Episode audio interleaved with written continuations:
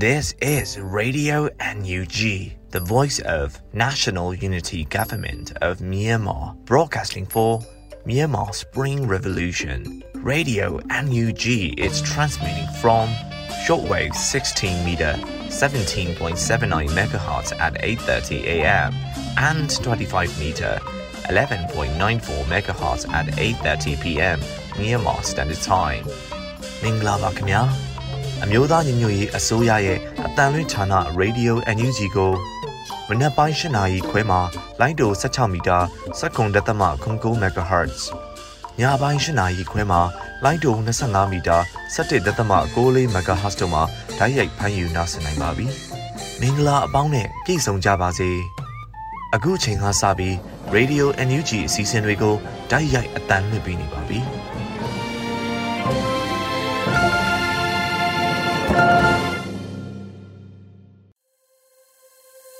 မြန်မာနိုင်ငံသူနိုင်ငံသားအပေါင်းတဘာဝပြီးဆရာနာရှင်ပြီးတို့ကနေကင်းဝေးပြီးကိုစိတ်နှပါဘေးကင်းလုံခြုံကြပါစေလို့ရေဒီယိုအန်ယူဂျီဖွယ်သားများကဆုတောင်းမြတ်တာပို့သလာရပါတယ်ရှင်။အခုချိန်ကစပြီးကာကွယ်ရေးဝန်ကြီးဌာနရဲ့စီးရီးသတင်းချင်းချုပ်ကိုတော့နှွေဦးမောင်မှဖတ်ကြားတင်ပြပေးပါရမရှင်။မင်္ဂလာပါခင်ဗျာ။ယခုချိန်ကစပြီးကာကွယ်ရေးဝန်ကြီးဌာန အမျိုးသားညီညွတ်ရေးအစိုးရမှထုတ်ဝေသောနိုင်စင်စီရဲ့တရင်အချင်းချုပ်ကိုတင်ဆက်ပေးတော့မှာဖြစ်ပါတယ်။ကျွန်တော်ကတော့ຫນွေဦးမောင်ပါခင်ဗျာ။နိုင်စင်စီရဲ့တရင်အချင်းချုပ်ကိုတင်ဆက်ပေးပါတော့မယ်။ရန်သူတပ်သားတေဆုံ3ဦးရန်သူတပ်သားဒဏ်ရာရ8ဦးအာနာသိန်းအကြမ်းဖက်စစ်တပ်နဲ့တိုက်ပွဲဖြစ်ပွားမှုသတင်းများကိုတင်ဆက်ပေးပါတော့မယ်။ဂရနီကယားပြည်နယ်တွင် ဇန်နဝါရီလ9ရက်နေ့မနက်၈နာရီခန့်ကလွိုက်ကော်မြို့နယ်လွိုက်ကော်လီစိတ်အားဒေါ်လန်ရေးတပ်ပေါင်းစုများကရှော့တိုက်တုံးဖြင့်ပစ်ခတ်ခဲ့ရာရဲတအူးထိခိုက်ဒဏ်ရာရရှိခဲ့သည်မွန်ပြည်နယ်တွင်ဇန်နဝါရီလ9ရက်နေ့မနက်9နာရီခန့်ကကြိုက်ထိုမြို့နယ်အင်္ဂဘိုရွာအနီးတွင်ရန်သူရင်တန်းတစ်ခုမိုင်းဆွဲတိုက်ခိုက်ခံရပြီးကားပေါ်ပါရန်သူတပ်သားများထိခိုက်ဒေဆုံးမှုများရှိခဲ့သည်မိုင်းဆွဲတိုက်ခိုက်ခံရပြီးနောက်ကားလေးစီးလုံးရပ်သွားပြီးနှစ်ဖက်အပြန်အလှန်ပစ်ခတ်မှုဖြစ်ပွားခဲ့သည် စကိုင်းတိုင်းတွင်ဇန်နဝါရီလ9ရက်နေ့မနက်8:15မိနစ်ခန့်ကကောလင်းမြို့နယ်နှောကုံကြီးရွာအနီးကောလင်းမြို့မှထွက်လာသောရန်သူတပ်သား80ခန့်ကိုပြည်သူ့ကာကွယ်ရေးတပ်မတော်ကောလင်းခရိုင်တပ်ရင်း1ကောလင်းမြို့နယ်ပခဖတို့က M79 ဖြင့်ပြစ်ခတ်တိုက်ခိုက်ခဲ့ရာရန်သူရှိ point အနီးကြားရောက်ခဲ့သဖြင့်ရန်သူတပ်သား5ဦးပြင်းထန်စွာဒဏ်ရာရရှိခဲ့သည် ဇန်နဝါရီလ9ရက်နေ့မနက်9:30ခန်းကကမ်ဘလူးမြို့နယ်ရောချေးရွာရှိရန်သူတပ်သားနှင့်ပြူစောထီးများကိုကမ်ဘလူး Underground Warriors MBFU 18 လင်းယုံနီမြေပြင်လှုပ်ရှားညီနောင်များကမ်ဘလူးတောင်ချမ်းလိုကဲအဖွဲ့များပူးပေါင်း၍ 60mm ရှစ်လုံး drone ဘုံသီးနှလုံးလက်နက်ငယ်များဖြင့်တိုက်ခိုက်ခဲ့ရာရန်သူတပ်သား3ဦးသေဆုံးခဲ့သည် မန္တလေးတိုင်းတွင်ဇန်နဝါရီလ4ရက်နေ့မနက်၈နာရီခန့်ကမဟာအောင်မြေမြို့နယ်63လမ်း39လမ်းနှင့်လမ်း40ကြားရှိမနော်ယမန်ပန်းချံရှိတွင် ခွေးစာရှယ်ကျွေးတော်လန်မန္တလေးဆိုသည့်စာတန်းအားလာရောက်ဖြုတ်သည့်ရန်သူကား3စီးပါရင်နှံအားမြနန္နာစစ်စင်ရေးအဖွဲ့မှအဝေးထိန်မိုင်းပစ်ဖောက်ခွဲတိုက်ခတ်ခဲ့သည်ဇန်နဝါရီလ4ရက်နေ့နေ့လယ်ပိုင်းကတပိတ်ချင်းမြို့နယ်ကြာညက်ကျေးရွာရှိရန်သူများနှင့်ပြူစောတီများစုဝေးနေသောအုပ်ချုပ်ရေးမှူးရုံးနှင့်သို့ TBK တောင်းစင်ရိုင်းပျောက်ကြားတပ်ဖွဲ့နှင့် နယ်မြေကန်ရက်ကျေးပကဖတို့မှဒရုန်းဖြင့်ဘုံတိချတိုက်ခတ်ခဲ့ရာရန်သူတပ်သား2ဦးနဲ့ပြူစောတိ2ဦးတို့အပြင်းအထန်ဒဏ်ရာရရှိခဲ့ကြောင်းသိရသည်ယခုတင်ဆက်ပေးခဲ့တာကတော့ကာကွယ်ရေးဝန်ကြီးဌာနအမျိုးသားညီညွတ်ရေးအစိုးရမှထုတ်ဝေသောနိုင်စင်စီရေးတင်အချင်းချုပ်ပဲဖြစ်ပါတယ်ကျွန်တော်ကတော့ຫນွေဦးမောင်ပါခင်ဗျာ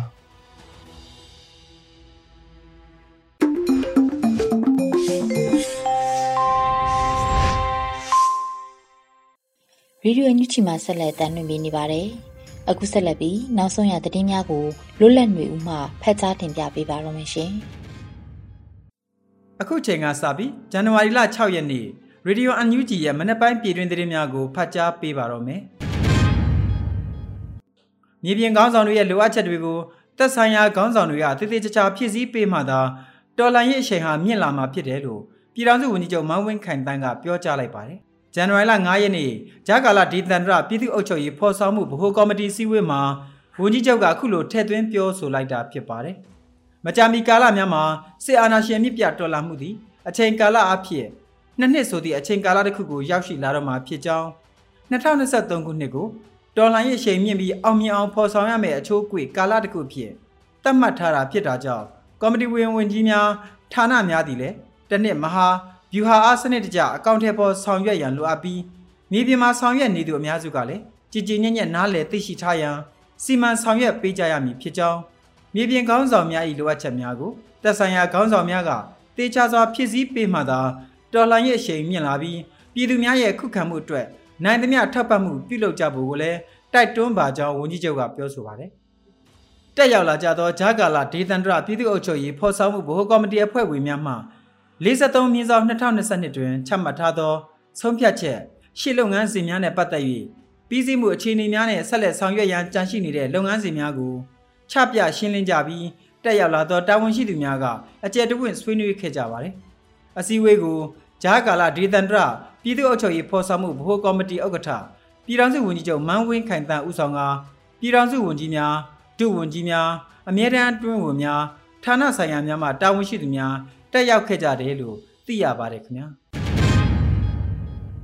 အကြမ်းဖက်စစ်ကောင်စီရဲ့ရွေးကောက်ပွဲလုပ်ငန်းစဉ်များတွင်ပူးပေါင်းဆောင်ရွက်ခြင်းမပြုကြရနဲ့ချင်းချောက်မှုများရှိပါကမှတ်တမ်းတင်ထား၍သတင်းပေးဖို့တိုင်ကြားနိုင်ရန်တော်လိုင်းရင်အင်အားစုများမှပန်ကြားလွှာထုတ်ပြန်တဲ့သတင်းကိုတင်ပြပါဦးမယ်။အကြမ်းဖက်စစ်ကောင်စီရဲ့ရွေးကောက်ပွဲလုပ်ငန်းစဉ်များတွင်ပူးပေါင်းဆောင်ရွက်ခြင်းမပြုကြရနဲ့ချင်းချောက်မှုတွေရှိပါကမှတ်တမ်းတင်ထားဖို့သတင်းပေးဖို့တိုင်ကြားရန် တော်လိုင်းအင်အားစုများမှပန်ကြားလွှာထုတ်ပြန်လိုက်ပါတယ်။ဇန်နဝါရီလ9ရက်နေ့ရက်စွဲနဲ့အကြမ်းဖက်စစ်ကောင်စီမှ၎င်းတို့ပြင်ဆင်စိုင်းပြင်းနေသောအတူရောင်ရွေးကောက်ပွဲနဲ့ပတ်သက်လို့တော်လိုင်းအင်အားစုများမှပြည်သူများထံအသိပေးပန်ကြားလွှာတရားထုတ်ပြန်ခဲ့ပါတယ်။အကြမ်းဖက်စစ်ကောင်စီက၎င်းတို့စိုင်းပြင်းနေသောအတူရောင်ရွေးကောက်ပွဲအတွက်နိုင်ငံတွင်းရှိလူဦးရေစီမှန်ကန်ရေးအတွက်မြေပြင်ကွင်းစင်းတိုက်ဆိုင်စစ်ဆေးရန်ဟုခေါင်းစဉ်တက်၍အကြိုမဲစည်းများကောက်ယူရန်ခြေလန်းပြင်လာခဲ့ပြီး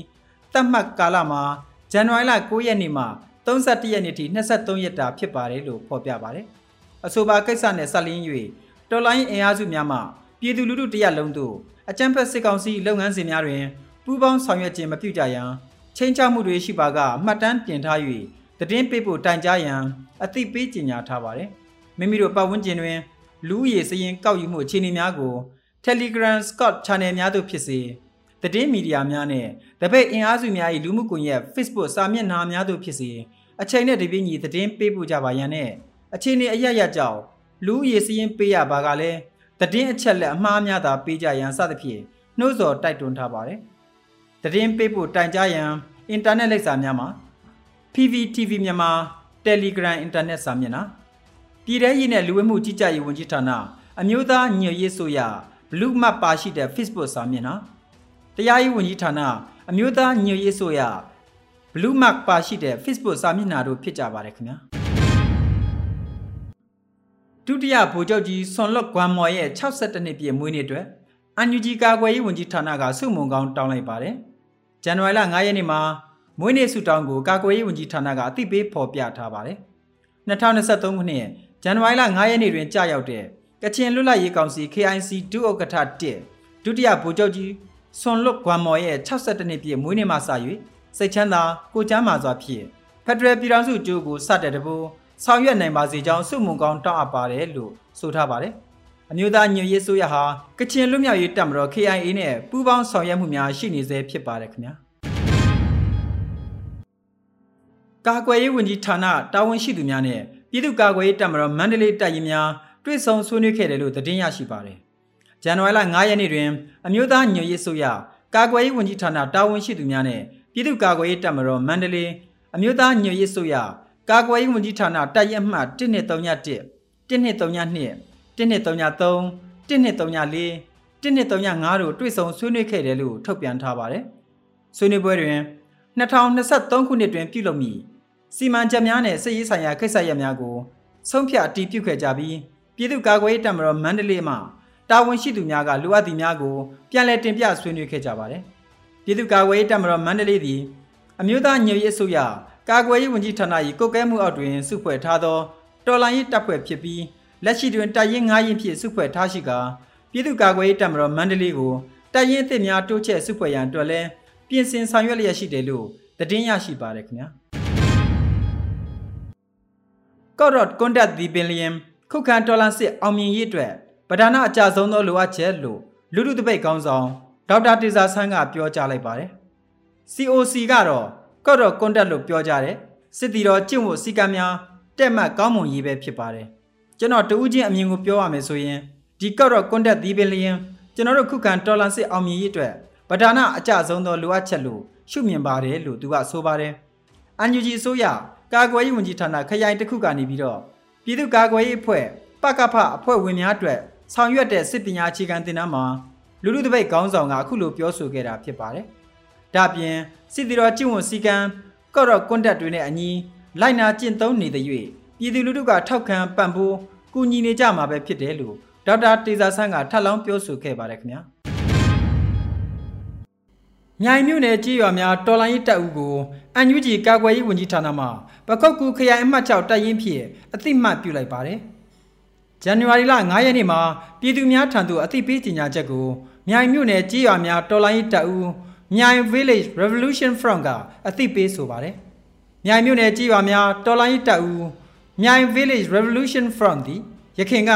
ပျောက်ကြားတော်လိုင်းရေးတပ်ဖွဲ့အနေဖြင့်ပျောက်ကြားပြူဟာမြောက်သောစစ်စင်ရေးများအကြိမ်ကြိမ်ပြုလုပ်ခဲ့ပါတယ်။မိမိတို့ပြုလုပ်ခဲ့သောစစ်စင်ရေးများပြည်သူများစိတ်ဓာတ်ခွန်အားရရှိစေရန်မိမိတို့တပ်ဖွဲ့၏ official Facebook page တွင်ကြေညာခြင်းများပြုလုပ်ခဲ့ပါတယ်။ယခုအခါအမျိုးသားညွရေးဆိုရအန်ယူဂျီကာကွယ်ရေးဝန်ကြီးဌာန MODE လက်အောက်ခံတရားဝင်ပခုတ်ကူခရိုင်အမှတ်6တပ်ရင်းဖြင့်အတိမတ်ပြုခံရပြီးချိန်မှစလို့မိမိတို့ဖော်ဆောင်သောတိုက်ပွဲသတင်းများအလုံးကိုပြည်သူများထံသို့ချပြပေးသွားနိုင်တော့မည်မဟုတ်ဘဲပြည်သူများသိသင့်သိထိုက်သောစစ်ရေးသတင်းများကိုသာကာကွယ်ရေးဝန်ကြီးဌာန MODE ခွင့်ပြုချက်ဖြင့်တင်ပြပေးသွားမှာဖြစ်ပါတယ်လို့ဆိုပါတယ်။ သို့ဖြစ်ပါ၍ပြည်သူများအနေဖြင့်တပ်ရင်းတပ်ဖွဲ့မှတိုက်ပွဲသတင်းများကိုအသိပေးတင်ပြနိုင်ခြင်းအားနည်းခဲ့ရင် နားလည်ပေးကြပါရန်မြိုင် Village Revolution Front ကဖော်ပြထားပါတယ်ခင်ဗျာဆလင်း SPDF မှာထောက်ပံ့ရေးတပ်ဖွဲ့စည်းလိုက်ပါတယ်ဇန်နဝါရီလအတွင်းအသိပေးထားချက်အရဆလင်း SPDF တောင်ပိုင်းတော်လိုင်းအင်အားစုနဲ့ညီနောင်မဟာမိတ်တပ်ခွဲများအားအထစ်ကပါဝင်ထောက်ပံ့သွားရန်ရည်ရွယ်ဖွဲ့စည်းတယ်လို့ဖော်ပြထားပါတယ် ထောက်ပံ့ရေးတပ်တွင်တာဝန်ထမ်းဆောင်လိုသောသူသည်အ ਨੇ ဆုံး6လနဲ့ထက်ထောက်ဖို့တာဝန်ယူနိုင်ရမည်ဖြစ်ကာလစဉ်9000ကျပ်မှတသိန်းကျပ်အတွင်းအား6လအနည်းဆုံးထောက်ပံ့နိုင်သူဖြစ်ရမယ်လို့ဆိုထားပါတယ်။ထောက်ပံ့ရေးတပ်တွင်တာဝန်ထမ်းဆောင်လိုသောသူများအနေဖြင့် Salin SPDF တောင်ပိုင်းတော်လိုင်းအင်အားစုထံသို့ဆက်သွယ်မေးမြန်းနိုင်တယ်လို့သိရပါတယ်ခင်ဗျာ။မြောင်နယ်အတွင်းရှိမိဘေးတင်တဲ့စစ်ပေးရှောင်ပြည်သူ1200စာအတွက် အစားအသောက်များကျွေးမွေးလှူဒန်းခဲ့တဲ့တဲ့တင်ကိုတင်ပြပါဦးမယ်။စကိုင်းတိုင်းမြောင်နယ်အတွင်းရှိမိဘေးတင်တဲ့စစ်ပေးရှောင်ပြည်သူ1200စာအတွက်အစားအသောက်များကျွေးမွေးလှူဒန်းနိုင်ခဲ့တယ်လို့သိရပါတယ်။ဇန်နဝါရီလ9ရက်နေ့မှာအမျိုးသမီးစစ်တီတော်များတပ်ရင်းမြောင် M2W ကအသိပေးဖော်ပြထားပါတယ်။ AMDM Australia Humanitarian Assistance for Burma မှာလူသားချင်းစာနာထောက်ထားရေးနဲ့ဘေးအန္တရာယ်ဆိုင်ရာစီမံခန့်ခွဲရေးဝန်ကြီးဌာနမှတဆင့်အမျိုးသမီးစစ်တီတော်များတပ်ရင်း မြောင် M2W မှမြောင်နယ်အတွင်းရှိမိဘေးတင်တဲ့စစ်ပေးရှောင်ပြည်သူများအတွက်ထမင်းတုပ်များစစ်ပေးရှောင်ကလေးငယ်များအားရေခဲမုံနဲ့ဝေဖာများအားကျွေးမွေးလှူဒန်းပေးခဲ့ပါတယ်လို့ဆိုပါတယ်။ယခုကဲ့သို့ AMTM Australia Humanitarian Assistance for Burma via MOHADR မှမိဘသည့်စစ်ပေးရှောင်ပြည်သူများနဲ့ကလေးငယ်များစုစုပေါင်း1200ဦးစာကျွေးမွေးခဲ့ခြင်းအတွက်အမျိုးသမီးစစ်တီတော်တိုက်ရင်မြောင်မှအထူးကျေးဇူးတင်ရှိပါကြောင်း မှတ်တမ်းတင်ဂုဏ်ပြုအပ်ပါတယ်လို့ဖော်ပြထားပါတယ်ခင်ဗျာ။စကိုင်းတိုင်းရင်းမပင်မြို့နယ်ရဲတပ်ရင်း28ကိုလက်နက်ကြီးများနဲ့ပစ်ခတ်တိုက်ခိုက်ခဲ့တယ်လို့သတင်းရရှိပါတယ်။ဇန်နဝါရီလ9ရက်နေ့နနက်တနိုင်ခွဲအချိန်ရဲတပ်ရင်း28အားမဟာမိတ်များနဲ့တူတိုက်ခိုက်ခဲ့တယ်လို့အမျိုးသားတော်လှန်ရေးပျောက်ကြားတပ် National Revolutionary Guard NRG PDF စလင်းကြီးကအတည်ပြုပြောဆိုပါတယ်။ရင်းမပင်မြို့နယ်ရဲတပ်ရင်း28အား ဇန်နဝါရီ9ရက်နေ့နနက်တနိုင်ခွဲအချိန်တွင်ကျွန်တော်တို့အမျိုးသားတော်လှန်ရေးပျောက်ကြားတပ် National Revolutionary Guard NRG PDF စလင်းကြီးနဲ့ဒေသခံညီနောင်မဟာမိတ်တပ်ဖွဲ့များပူးပေါင်းကလက်နက်ကြီးအလုံး100ခန့်ဖြင့်တွားရောက်ပစ်ခတ်တိုက်ခိုက်ခဲ့ပါတယ်လို့ဆိုပါတယ်။လက်နက်ကြီးလက်နက်ငယ်များဖြင့်နှစ်ဖက်အပြန်အလှန်ပစ်ခတ်တိုက်ခိုက်ရာတွင်ရဲတပ်ရင်တွင်မှရဲများ၏အဆောင်ပေါ်သို့ကြာရောက်ပောက်ကွဲကငိုယိုအော်ဟစ်ဆဲဆိုတာများပါကြားခဲ့ရတယ်လို့ဖော်ပြပါတယ်။တိုက်ပွဲပြီးဆုံးပြီးတနိုင်ခန့်အကြာထိ ရဲတပ်ရင်တွင်မှအော်ဟစ်ငိုကြွေးတာများကြားနေရပြီးရဲများတေဆုံးထိခိုက်ဒဏ်ရာများရရှိနိုင်တော်လဲစုံစမ်းနေဆဲဖြစ်တယ်လို့ဆိုပါတယ်။ပြည်သူ့ကာကွယ်ရေးတပ်ဖွဲ့ဝင်များကတော့အထိတ်ကမရှိအောင်မြင်စွာဆုတ်ခွာနိုင်ခဲ့တယ်လို့သိရပါတယ်ခင်ဗျာ။စကိုင်းတိုင်းကဏီမြို့နယ်မုတ်ထောကျေးရွာနီးတွင်တောင်တင်နေသောစစ်ကောင်စီထပ်ဖို့တင်းပေါ်များထဲမှကင်းထောက်ဆက်လီအသေးတစည်းကိုကာကွယ်ရေးတပ်ဖွဲ့ဝင်များဝိုင်းဝန်းတိုက်ခတ်ရာစစ်ကောင်စီတပ်က6ဦးသေဆုံးခဲ့ပါတယ်။ ဇန်နဝါရီလ9ရက်နေ့မှာအဆိုပါစစ်ရေးတရင်ကို KRG PDF ကြောက်လုံးကြီးအဖွဲ့မှအတည်ပြုထုတ်ပြန်ထားပါတယ်။ကဏီမြို့နယ်မုတ်ထောကျေးရွာနီးတွင်တောင်တင်နေသောစစ်ကောင်စီထပ်ဖို့တင်းပေါ်များထဲမှဇန်နဝါရီလ4ရက်နေ့ညနေ9:00နာရီခန့်အချိန်တွင်စစ်ကောင်စီတပ်က9ယောက်ပါကင်းထောက်ဆက်လီအသေးလေးဖြင့်စံတက်လာရာပန်းဆိုင်ကြေးရွာနီးရောက်တွင် KLG PDF ကြောက်လုံးကြီးအဖွဲ့မှဦးဆောင်ပြီးဆရာစံအဖွဲ့နဲ့တူ DRPA အဖွဲ့တို့ပူးပေါင်းတိုက်ခိုက် တိမ့်ပိုက်နိုင်ခဲ့တယ်လို့ဆိုပါတယ်တိုက်ပွဲကြာချိန်တနင်္လာချိန်တွင်စစ်ကောင်စီတပ်က6ဦးသေဆုံးကတအုပ်ထွက်ပြေးလွတ်မြောက်သွားခဲ့တယ်လို့သိရပါတယ်စစ်ကောင်စီကင်းထောက်ဆက်လီကတော့ရေမြုပ်ထားခဲ့လိုက်ပါတယ်လို့ဆိုပါတယ်ခင်ဗျာစကိုင်းတိုင်းကဏီမြို့နယ်တကြောမှာစစ်ကောင်စီတပ်နဲ့ကာကွယ်ရေးတပ်ဖွဲ့များတိုက်ပွဲပြင်းထန်ကရိတ်ခါပို့လမ်းကြောင်းဖြတ်တောက်ခံရ၍စစ်ကောင်စီတပ်က19ဦးခန့်တိတ်ဆုံးခဲ့ပါတယ်။ ဇန်နဝါရီလ9ရက်နေ့မှာအဆိုပါစစ်ရေးတရင်ကို KLG PDF ကြလုံးကြီးမှအတည်ပြုပြောဆိုထားပါတယ်။ကုန်းချောင်းတိုက်ပွဲမှာဇန်နဝါရီလ3ရက်နေ့မနက်9နာရီခန့်ကကဏီမြို့မှအလဲကျွန်းပြူရွာသို့ရိတ်ခါပို့လာသောစစ်ကောင်စီထောက်ပို့လှဲများကို KLG PDF နဲ့ DRPA ဖွဲ့တို့ကပူးပေါင်းတိုက်ခိုက်ခဲ့ပါတယ်။ထပ်ဖို့လှဲသုံးစီပျက်စီးပြီးစစ်ကောင်စီတပ်နဲ့ပြူများတေဆုံးနိုင်တယ်လို့ဆိုပါတယ်။အလားတူရေချောင်းတိုက်ပွဲတွင်ကဏီမြို့နယ်ချင်းတွင်းမြစ်ပေမုတ်ထောရွာနီးတွင် တင်ပေါ်၅စီးနဲ့ညောင်းပင်ဝန်းရွာနီးတွင်တောင်တင်နေသောစစ်ကောင်စီထပ်ဖို့ flat တင်ပေါ်2စီးရှိရာဇန်နဝါရီလ3ရက်နေ့ညနေ9:00နာရီအချိန်မုတ်ထောရွာနီးမှစစ်ကောင်စီအင်အား20ခန့်ပါထပ်ဖို့တင်ပေါ်တစ်စီးစံတက်လာရာပန်းဆန်းရွာရောက်တွင် KRG PDF မှဥဆောင်ပြီး DRPA နဲ့ပူးပေါင်းတိုက်ခိုက်ခဲ့တယ်လို့သတင်းဖော်ပြပါတယ်။တိုက်ပွဲကြာချိန်3နာရီမှည8နာရီအရောက်တွင်စစ်ကောင်စီထောက်ဖို့တင်းဘောကိုသိမ်းနိုင်ခဲ့တယ်လို့ဆိုပါတယ်။ စစ်ကောင်စီထောက်ဖို့တင်းဘောပေါ်ပါလာသောစစ်ကောင်စီတပ်မှ20ဦးတွင်19ဦးသေဆုံးကတအုပ်လွတ်မြောက်သွားခဲ့တယ်လို့သိရပါတယ်ခင်ဗျာ။ဒဇယ်မြို့နယ်စင်ငယ်ရွာဘက်မှာကျွန်းတော်ကုန်းရွာဘက်သို့ထွက်လာတဲ့ပြူစောထီများကိုကာကွယ်ရေးတပ်များကနှစ်ကြိမ်တိုင်တိုင်မိုင်းခွဲပစ်ခတ်တိုက်ခိုက်နိုင်ခဲ့ကြပါတယ်။ဇန်နဝါရီလ9ရက်နေ့နနက်6နာရီအချိန်စင်ငယ်ရွာဘက်မှကျွန်းတော်ကုန်းရွာဘက်သို့ထွက်လာသောပြူများကိုတိုက်ခိုက်နိုင်ခဲ့တယ်လို့ Guerrilla Warfare KPK ကအတည်ပြုဆိုပါတယ်။ဇန်နဝါရီလ9ရက်နေ့နနက်6နာရီအချိန်တွင်စင်ငယ်ရွာဘက်မှကျွန်းတော်ကုန်းရွာဘက်သို့ထွက်လာသောပြူ140ခန့်အားရွာဝင်တွင် Guerrilla Warfare KPK TSR Desert Tiger PLA PRLF တပ်ရင်းရှစ်ပကဖနဲ့ပလဖပူပေါင်းတပ်ဖွဲ့တို့မှအသင့်တန့်စင်ထားသောတိုက်မိုင်းများမှ6လုံးနဲ့အဲ့ခံနိုင်ခဲ့တယ်လို့ဆိုပါတယ်။ဆက်လက်ပြီး ကြန့်ရှိပြူနဲ့စစ်ကောင်စီတပ်အင်အားဖြင့်ကျွန်းတော်ကုန်းရွာတွင်ဝင်ရောက်ခဲ့ပြီးပြည်သူနေအိမ်များအားမိရှို့ဖျက်ဆီးခဲ့ကြတယ်လို့ဆိုပါတယ်။ထို့နောက်ပြူများရွာနောက်ဘက်မူးပေါင်သို့ထွက်လာသောအချိန်တွင် KPK မိုးကြိုးမုံတိုင်းနဲ့ပလဖအဖွဲ့တို့မှလက်နက်ကြီးလက်နက်ငယ်များဖြင့်စတင်ပစ်ခတ်ခဲ့ပြီးနောက်အပြန်အလှန်ပစ်ခတ်မှုများဖြစ်ပွားခဲ့ပြီးအင်ကောက်ကားဘက်သို့အထွက်တွင်ပြူများနောက်တစ်ကြိမ်တိုက်မိုင်းနှလုံးထပ်မံထိခိုက်ခဲ့တယ်လို့ဖော်ပြပါတယ်။ဒဏ်ရာရပြူနဲ့စစ်ကောင်စီတပ်များအား ကားနှစ်စီးဖြင့်တည်ယူသွားကြောင်းသိရတော့လဲတေဆုံးသူအရေးအတွက်အတီးပြုစုံစမ်းနေစေဖြစ်ပါတယ်ခင်ဗျာ။သောတာရှင်များခင်ဗျာအခုတင်ပြပေးခဲ့တဲ့သတင်းတွေကို Radio UNG သတင်းတောက်မင်းမင်းကပေးပို့ထားတာဖြစ်ပါတယ်ခင်ဗျာ။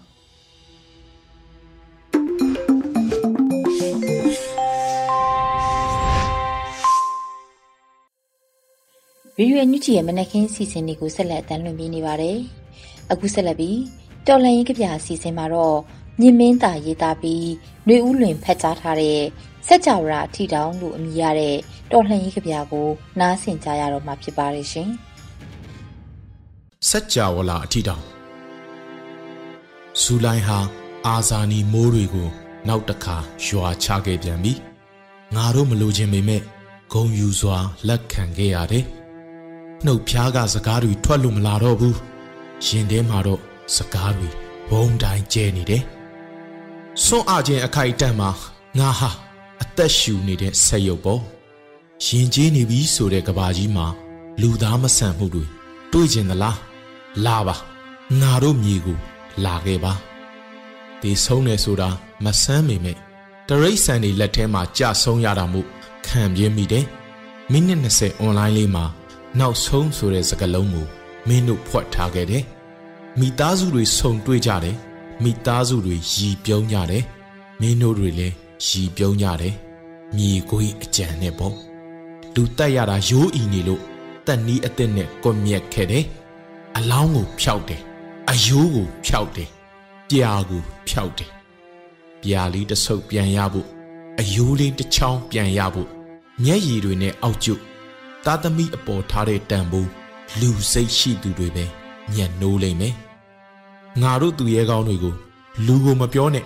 ပြာတမှုန့်လောက်ကိုတောင်မင်းတို့ကြောက်နေကြတယ်တေချာလုံးမကတေချာလုံးခဲ့ပြီ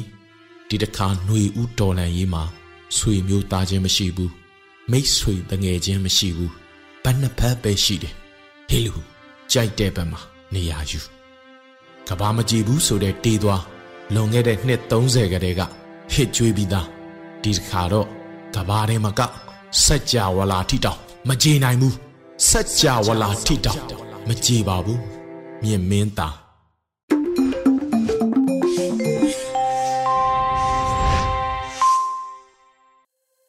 ရေဒီယိုညူချီပရိသတ်တွေအတွက်ကူးဆက်လက်ပြီးထုတ်လွှင့်ပေးမှာကတော့ PPTV ရဲ့နေ့စဉ်သတင်းများဖြစ်ပါတယ်။ရိမ့်မှာဖတ်ကြားတင်ပြပေးပါမယ်ရှင်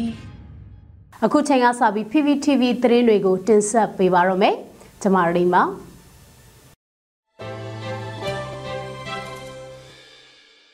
ပထမဆုံးတင်ဆက်မှာကမြန်မာနိုင်ငံအလဲပိုင်းဒေသအတွက်မမမြနဲ့ပွဲကမယ်စတုထ project ပြုလုပ်မယ်ဆိုတဲ့သတင်းမှာ We Love Myanmar Family ကဥဆောင်ပြုလုပ်မယ်မြန်မာနိုင်ငံအလဲပိုင်းဒေသအတွက်မမများနဲ့ပွဲကမယ်စတုထ project ကို2023ခုနှစ်ဇန်နဝါရီ9ရက်နေ့မှာစတင်မယ်လို့ WLMF ရဲ့တာဝန်ရှိသူမှသတင်းမီဒီယာများနဲ့တွဲဆုံစဉ်ပြောပါရယ်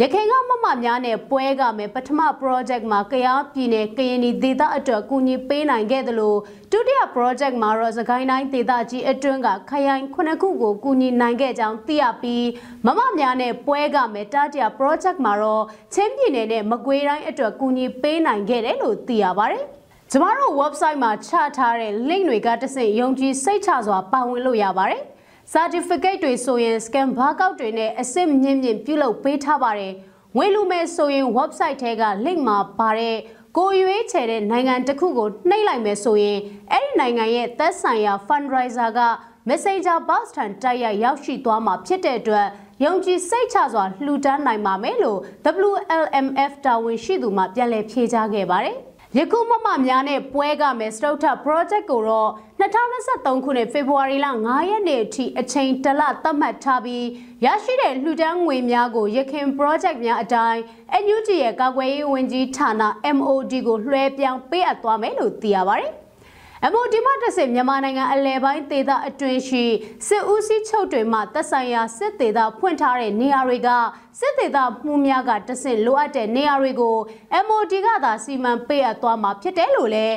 WLMF အဖွဲ့တာဝန်ရှိသူမှပြောပါရယ်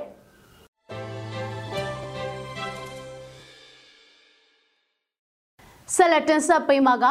2022ခုနှစ်အတွင်းကွယ်လွန်ခဲ့တဲ့ကမ္ဘာထိပ်တန်းပုဂ္ဂိုလ်များစည်ရင်းမှာဥဖြိုးစရာတော်ကိုဖော်ပြထားတဲ့သတင်းမှာ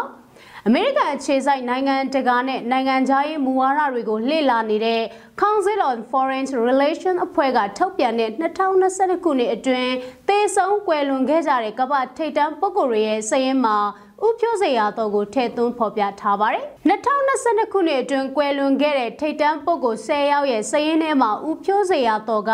ဂျပန်ဝန်ကြီးချုပ်ရှင်ဇိုအာဘေဗြိတိန်ပြည်မကြီးအဲလီဇဘက်ဒရုတ်သမရဟောင်းဂျန်စီမင်းစတဲ့နိုင်ငံကောင်းဆောင်တွေနဲ့အတူဖော်ပြခံရတာလည်းဖြစ်ပါတယ်။ဥဖြိုးစရာတော်ကိုနိုင်ငံရေးသမားဟစ်ဟော့အဆိုတော့ လွှတ်တော်ကိုယ်စားလှယ်ဒီမိုကရေစီရေးတက်ကြွလှုပ်ရှားသူအဖြစ်ဖော်ပြထားတာဖြစ်ပြီး2022ခုနှစ်မှာကွယ်လွန်ခဲ့တဲ့ထိပ်တန်းပုဂ္ဂိုလ်10ယောက်ရဲ့နံပါတ်6နေရာမှာဖော်ပြထားပါတယ်။ကျေးဇူးတင်ပါတယ်ရှင်။